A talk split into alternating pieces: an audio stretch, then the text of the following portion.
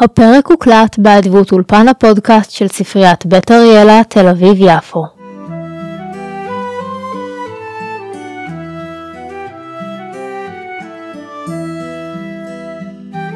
ברוכות וברוכים הבאים למסע לא צפוי, פודקאסט טולקינאי. אני כרמל הרולד לוזובר, ומעולם לא קראתי שר הטבעות. עד היום. השבוע נדבר על הפרק הצעדן, אם אתם קוראים את תרגום לבנית, או הפסען, אם אתם קוראים את תרגום לוטם. חוזר אלינו יריב לפרק נוסף. היי יריב יערי, מה שלומך? מצוין, שלום כרמל. אני אשמח אם אה, תציג את עצמך למאזינים שלנו. אז אני יריב יערי, אני מתמטיקאי בהשכלתי, מתכנת במקצועי וטולקינאי בזמני החופשי, כאשר יש כזה. אני גם קיבוצניק בהכרתי. עבר שבוע, אבל מבחינתנו עברו רק כמה דקות, ואנחנו נדבר על הפרק השבועי שלנו. נתחיל מתקציר הפרק. ההוביטים חוזרים לטרקלין אחרי התקרית בפונדק. הפסען מציע ללוות אותם בהמשך הדרך, ומסתבר שלברלמן היה מכתב מגנדלף שמיועד לפרודו, והוא שכח לשלוח אותו. מרי יצא לטיול לילי קצר ונתקל בפרשים, ועכשיו הפרשים יודעים בוודאות איפה פרודו והטבעת. פרודו, פיפין וסם בתחילת הפרק חוזרים אל הטרקלין ומגלים שמרי לא נמצא שם. הפסען מגיע ביחד איתם כדי לדבר עם פרודו, הוא מבטיח לתת מידע ועצות, אבל הוא רוצה טובה בתמורה. הוא רוצה להצטרף למסע. טובה מוזרה, אבל זה מה שהוא מבקש. פרודו לא ממהר להסכים, כי הוא לא יודע מיהו הפסען. בוקר טוב פרודו. הפסען מספר שהיה ליד דרך המלך, כשהוא שמע שיחה בין הוביטים, שבה נאמר לא להגיד את השם בגינס, ולזכור להציג אחד מהם כמר אנדרהיל. כיוון שהוא הסתקרן, הוא עקב אחריהם לברי. אז עכשיו זה קצת מתחבר לי לזה שחשבתי שאולי עקבה אחרי החבורה שלנו דמות אפלה שאולי היא פרה שחור, אבל אני מבינה שזה בעצם הפסען.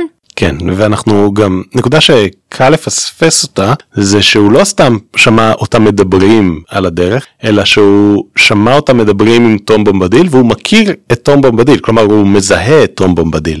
אני לא יכול לומר באופן אה, מיידי מה זה אומר, אבל זו נקודה מעניינת, כי לא הרבה מכירים את תום בומבדיל ככל הנראה. הוא גם הכיר את אה, פרודו, הוא גם הכיר את תום, הוא כנראה דמות שיש לה הרבה מאוד ידע, ואנחנו עדיין לא יודעים עליו הרבה בכלל.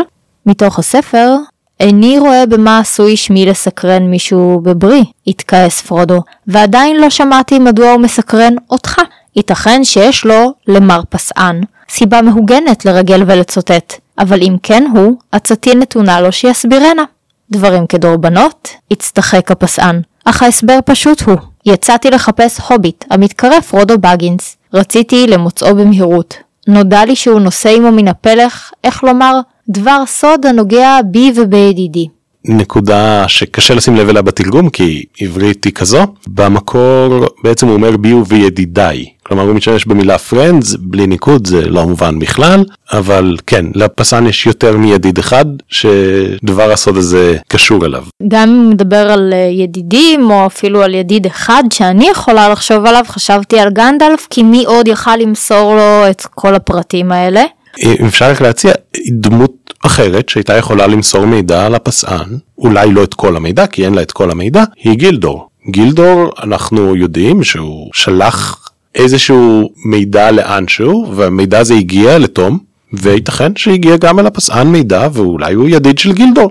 לא חשבתי על זה, אבל הנה כן, יש, אז יש לנו לפחות שתי אפשרויות, מסתבר, שיודעות את כל הדברים האלה, על, על פרודו ועל המסע, שיש לו איזשהו משהו שהוא לוקח איתו ומה השם האמיתי שלו. ושהפרשים עוקבים אחריו. נכון. למרות שבשלב הזה אנחנו לא יודעים אם גנדלף יודע שהפרשים עוקבים אחריו. נכון, גילדור יודע את זה, אנחנו לא יודעים מה גנדלף יודע על הפרשים. הפסען מספר להם שהפרשים השחורים כבר עברו בברי, זה מסביר את החשדנות של שומר השער, של הפונדקאי, והפסען אומר שהיה עדיף אם החבורה לא הייתה מבלה בערב בפונדק, אני בהחלט מסכימה איתו, הוא קורא להיעלמות של פרודו תעלול.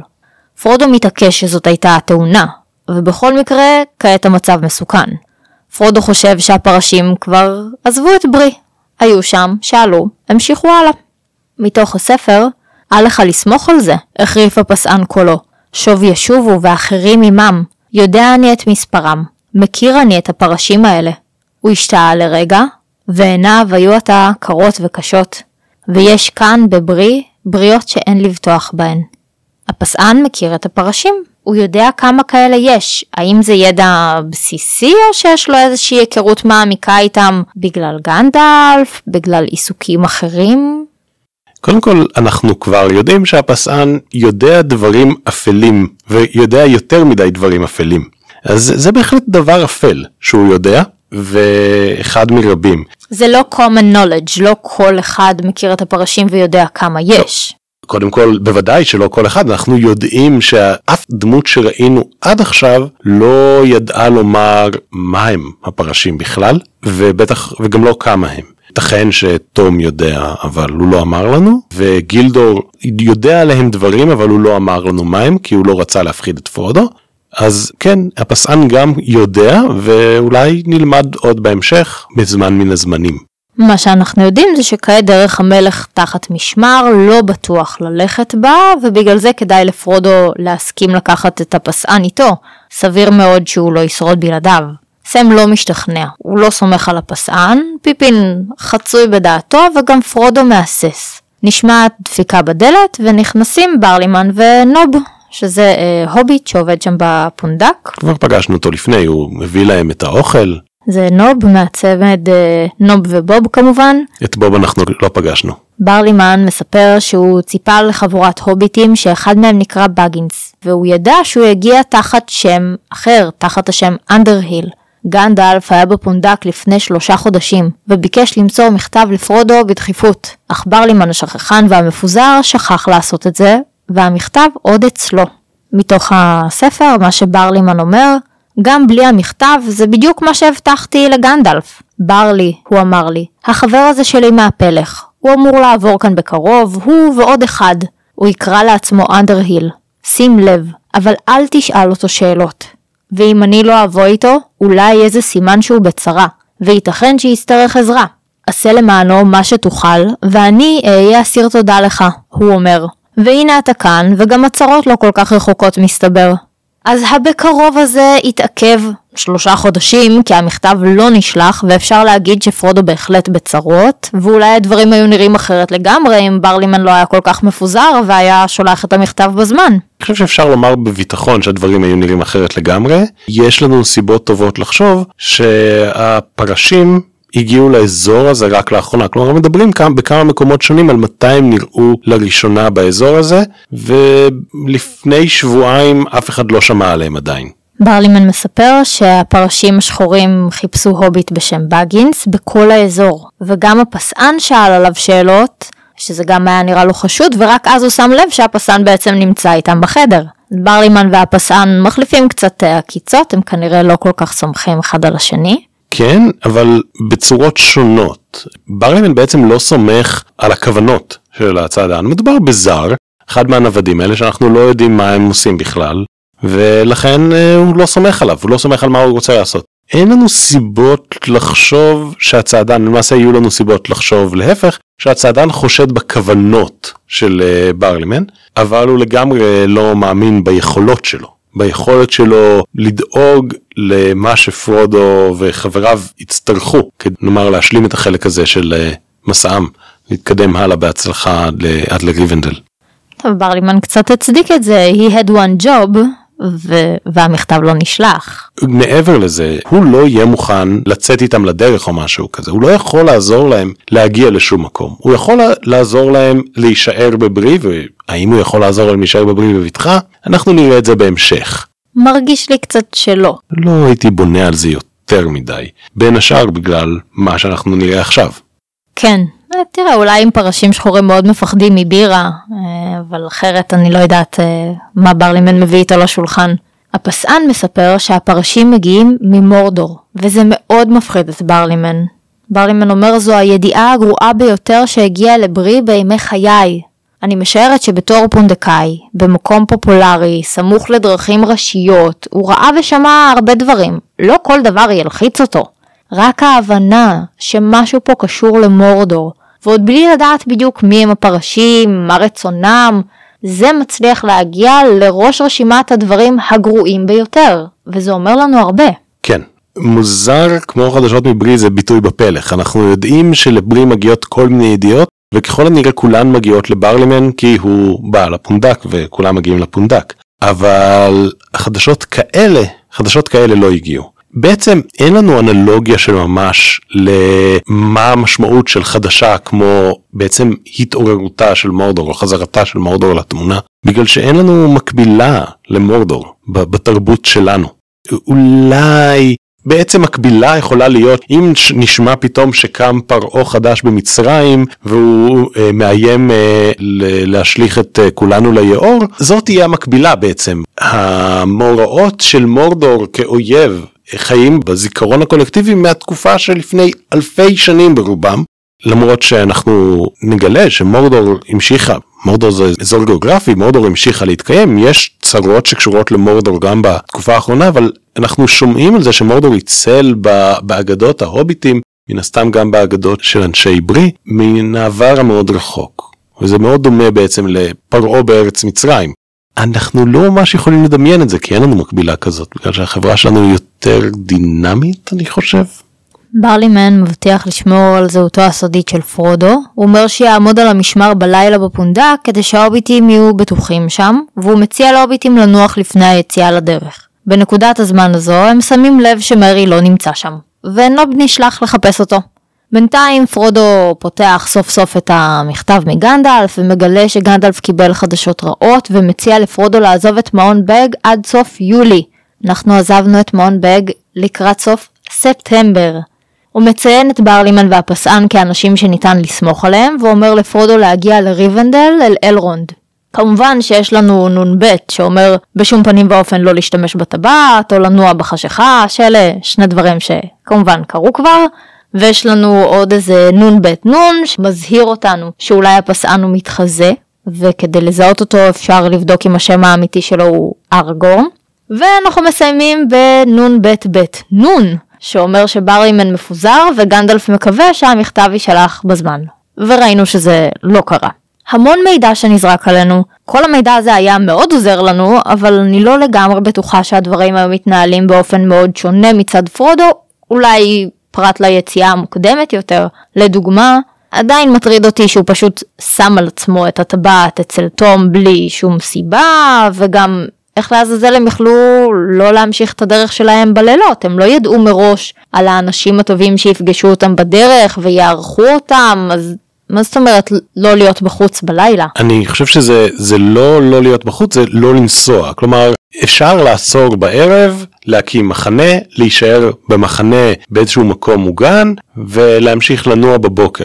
ולמעשה הם יוצאים בינם, בינם לבין ריבנדל אם מסתכלים על המפה יש מרחק די גדול ובמרחק הזה אין כל כך יישובים הם לא ימצאו אף אחד אף פונדק לשהות בו בדרך. ולכן לא ניתן לנסוע לריבנדל בלי להיות מחוץ ליישוב בלילה. אבל אפשר לא לנסוע בלילה. אז זה רק דבר אחד אחרון וזה שאמרת שהוא שם את הטבעת אצל תום בלי שום סיבה. יהיה יותר נכון לומר משהו כמו בלי שום סיבה חיצונית או בלי שום סיבה טובה הכוחות שפועלים על פרודו יש פה כל מיני דינמיקות שהן לא לגמרי מובנות מתוך הסיטואציה כי גם הטבעת היא כוח וגם אנחנו רואים כל מיני התנהגויות שלו אצל תום למשל שמצביעות על זה שגם תום הוא כוח. כלומר לא תמיד לשים את עצמנו בסיטואציה הזאת ולומר אם אומרים לך את זה ואתה יודע את הדברים האלה אז האם הגיוני שתתנהג כך לא תמיד זו הדרך הנכונה להסתכל על הדברים בגלל שהדברים שפועלים הם לא כולם מה אתה יודע ומה אומרים לך יש כוחות נוספים שמשפיעים על הדמויות ויש גם פערים אחרים כן פערי תפיסה שונים ומשונים שמשפיעים על הצורה שבה דמות מתנהגת ואנחנו לא הם. כבר בפרק הקודם ההוביטים נתנו אחד לשני עצות שהן היו טובות והתעלמו מכל העצות האלה. זו, זו תופעה שהיא לא ייחודית להוביטים זה קיים גם אצלנו.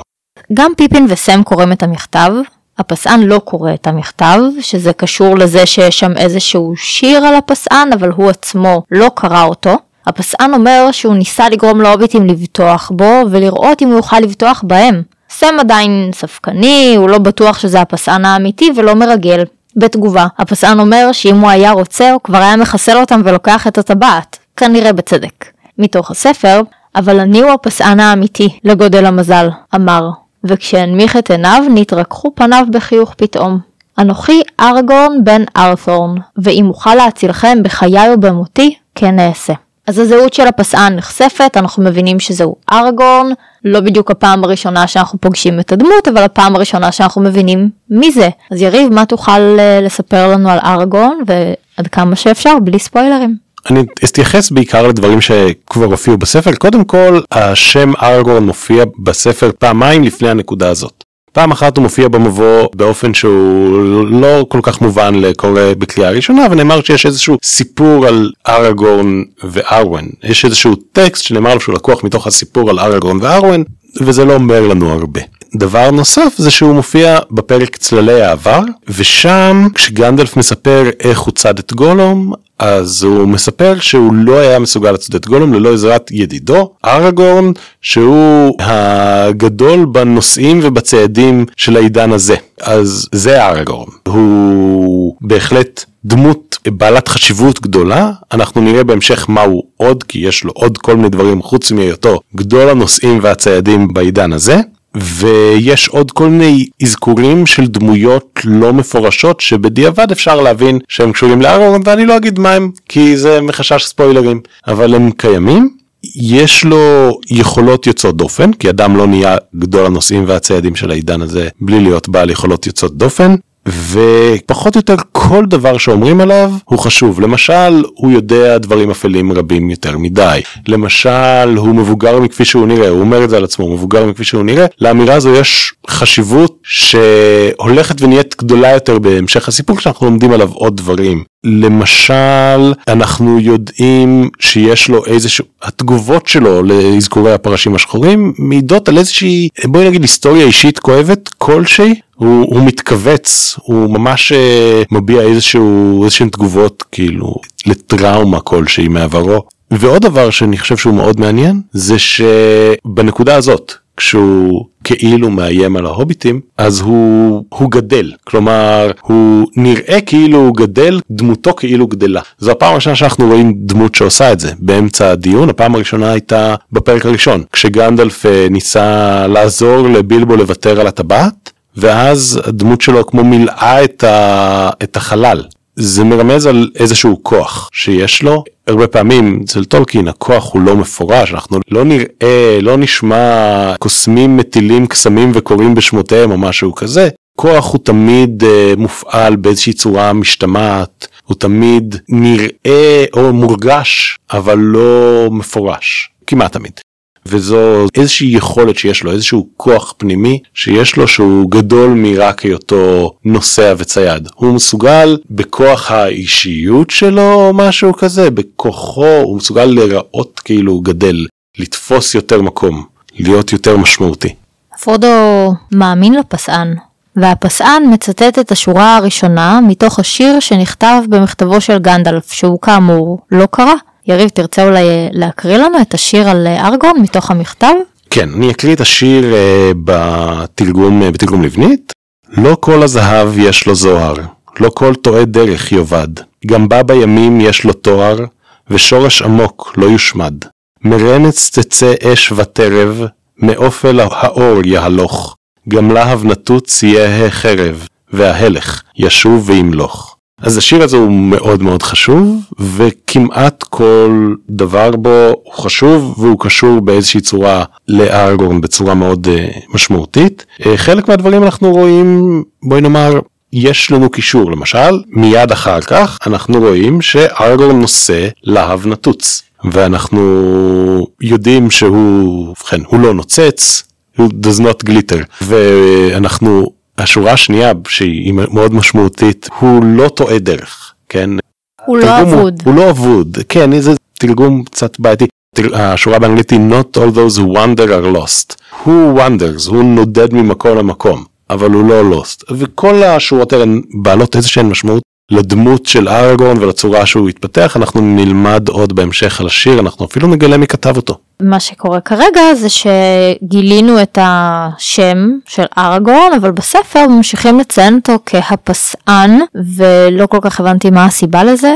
לארגון כמו לדמויות נוספות יש הרבה שמות וכינויים. זו תופעה שהיא מאוד נפוצה אצל טולקין, להרבה דמויות יש ריבוי שמות, ודמויות שונות התייחסו אליהן בשמות שונים בגלל כל מיני דברים בגלל צורת הקשר של דמות א' לדמות ב' תפנה לדמות ב' בשם אחר ההוביטים הכירו להם את אראגורן בכינוי הזה, סטריידר, הפסען או הצעדן, והכינוי הזה הוא הכינוי העיקרי שהם אוהבים להשתמש בו. הוא גם הצורה שבה הקהל מסביב מתייחס אליו. כלומר, כאשר הם, כל עוד הם בברי, אין הרבה היגיון בזה שהם ישתמשו בשם שאף אחד אחר לא מכיר. ואחר כך השם הזה, השם הזה תופס. עכשיו, השם לא רק שם, אלא הוא בעצם מהווה את הזהות הזו, את הזהות של אראגורן כפי שהוא נראה בברי. כשהוא ייראה במקום אחר, כשהוא ייראה אחרת, בצורה שלא הולמת את הדימוי שלו בברי,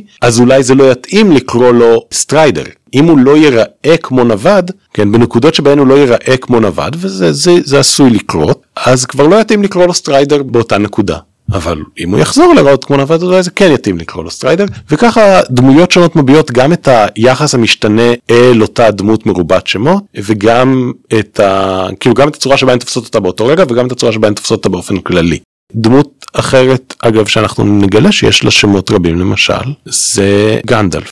גנדלף מילולית השם אומר משהו כמו אלפי מטה למרות שהוא לא אלף כי הוא נתפס כאלף על ידי אנשים מסוימים מכל מיני סיבות שהן לא קשורות בכלל אבל מן הסתם דמויות אחרות קוראות לו בשמות אחרים יש עוד ב... יש לו שם שם אחר שהאלפים קוראים לו למשל. כן ראינו כבר כמה דוגמאות אני חושבת אני לא זוכרת אם כבר פגשנו דוגמאות של uh, יצורים לא אגיד רק אנשים או מקומות אפילו שיש להם את השם במרכאות רגיל שאנחנו מכירים ואז אנחנו מכירים גם את השם שהאלפים נתנו למקום או ליצור הזה זה גם מגיע בהמשך יש נגיד uh, נהר שיש לו גם uh, שמות שונים. הרבה פעמים השמות השונים של נהרות הם נגיד גם יכולים להיות פשוט תרגומים שהם שני שמות שבעלי אותה משמעות אבל בשפות שונות כמו אני עכשיו לא, לא בטוח שיש לי דוגמה כזאת לנהר שכבר ראינו אותו.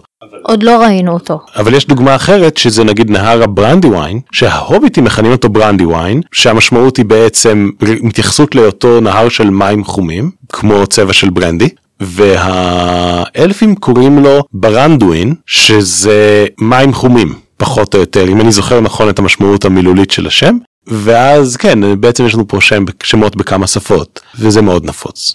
החבורה מתחילה להתכוונן למה הולך לקרות בהמשך, הם מתכננים לצאת מחר לפסגת הרוחות ומשם לריבנדל. מה שקורה זה שכבר בפרק הקודם לדוגמה פרודו אמר לברלימן אנחנו יוצאים על הבוקר שעה שמונה שזה מאוד מוקדם לא הוביטים כנראה ועכשיו הם כזה מתחילים לאט לאט להקדים עוד ועוד את השעה אז עכשיו זה באמת על הבוקר.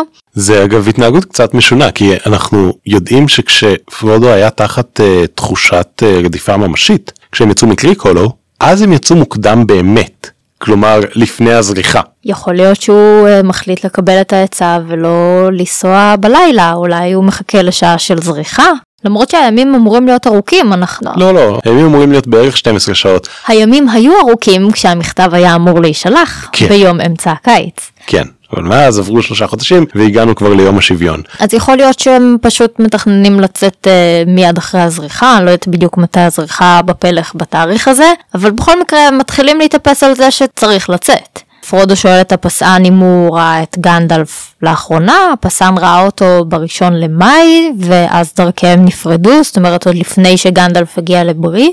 לראשונה הפסען מודאג, כי הם היו צריכים לשמוע כבר משהו מגנדלף, והוא משער שהפרשים השחורים עיכבו אותו, או האויב עצמו. כן, האויב עצמו הכוונה כמובן לסאורון, לשר האפל בכבודו ובעצמו, וזו בעצם עדות להערכה של ארגורן את כוחו של גנדלף נאמר. הוא לא מעלה בדעתו עוד מישהו שעשוי לעכב אותו. שמסוגל לעכב אותו. כן שיש לו את היכולת לעכב אותו או שיש לו בוא נאמר את היכולת ועשוי לעכב אותו באמת כי הוא לא מעלה בדעתו מן הסתם כל מיני גורמים שהם טובים שהוא יודע שהם טובים שעשויים לעכב אותו הוא לא דן בשאלה האם אלרונד היה יכול לעכב את גנדלף כי זו לא שאלה מעניינת. אז הגורמים המרושעים היחידים שהוא מעלה בדעתו שעשויים היו לעכב את גנדלף הם הפרשים השחורים כקולקטיב בעצם והאויב עצמו. בשלב הזה כולם עייפים,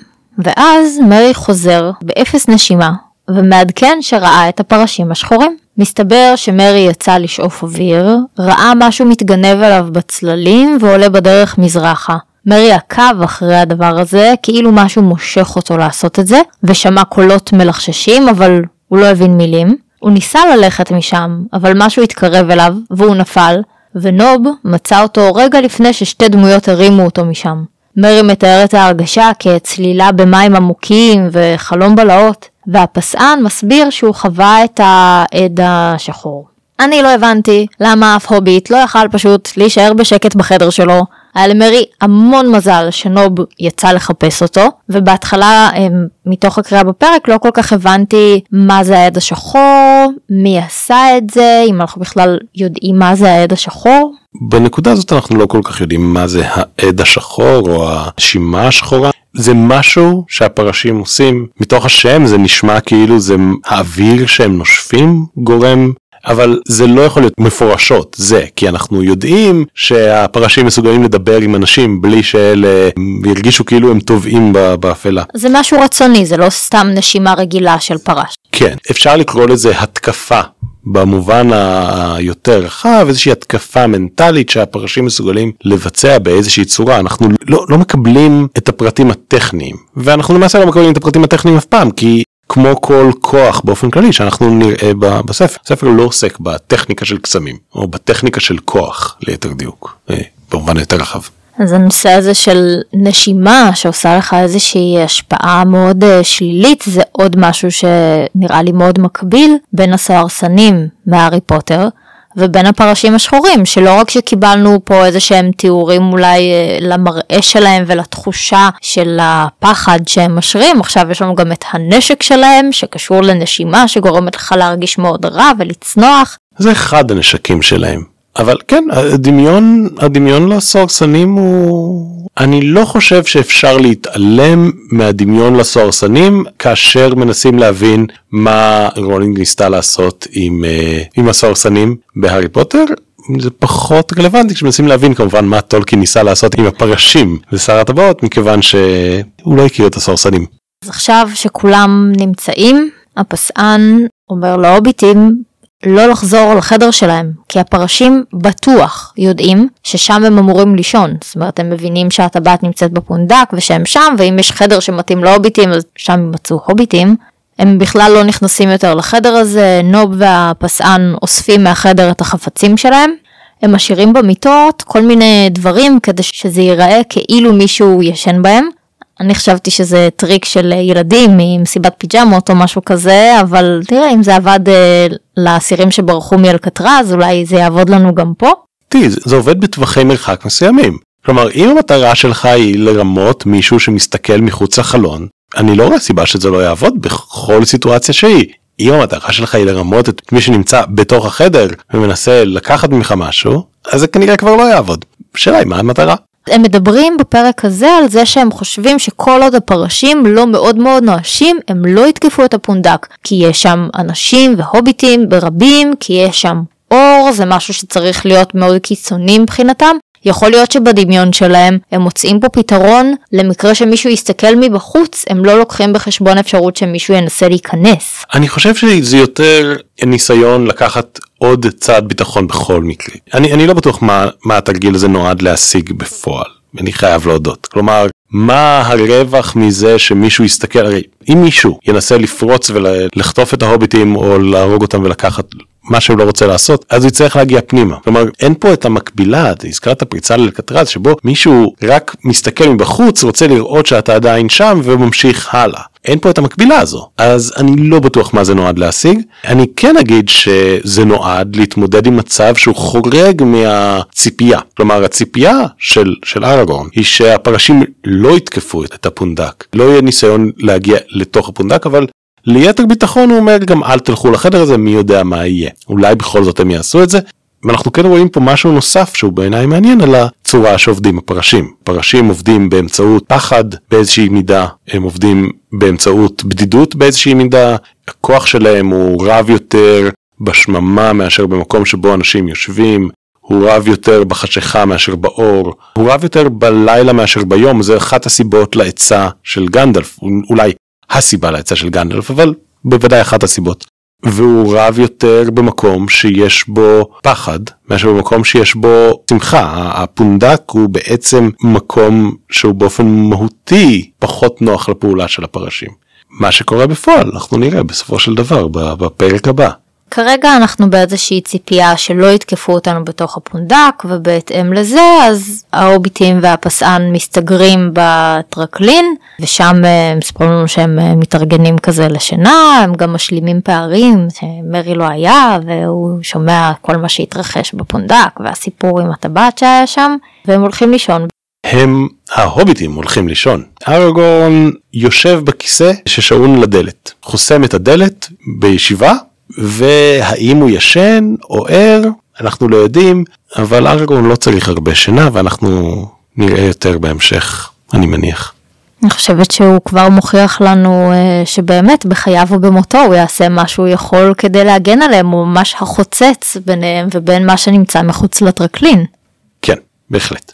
טוב אז אני אני לא יודעת אה, אם הלילה הזה הולך לעבור אה, בשקט ו, והאם הפרשים עכשיו אה, בדרכם אל הפונדק ומחכים בחוץ שמשהו יקרה אבל פה הפרק שלנו נגמר אז אני ואולי גם אתם נצטרך להישאר במתח עד השבוע הבא. יריב ממש ממש תודה שלא רק שהגעת והתארחת פה בשני פרקים אלא גם עשית את זה פעמיים. אין בעיה בשמחה. אני מאוד מאוד מעריכה את זה. אז אנחנו סיימנו להשבוע, אנחנו נשתמע בשבוע הבא עם הפרק הבא. כן, אה, תהנו בפרק הבא, סכין בחשיכה. להתראות. האזנתם למסע לא צפוי, פודקאסט טולקינאי. אם אהבתם את הפרק, אשמח שתעקבו אחרי הפודקאסט ותדרגו באפליקציות השונות. אפשר לעקוב אחרי עדכונים בדף הפייסבוק מסע לא צפוי, פודקאסט טולקינאי. כדי לדבר על הפרקים, איתי ועם המאזינים האחרים, הצטרפו לקבוצת הפייסבוק שלנו, קבוצה לא צפויה.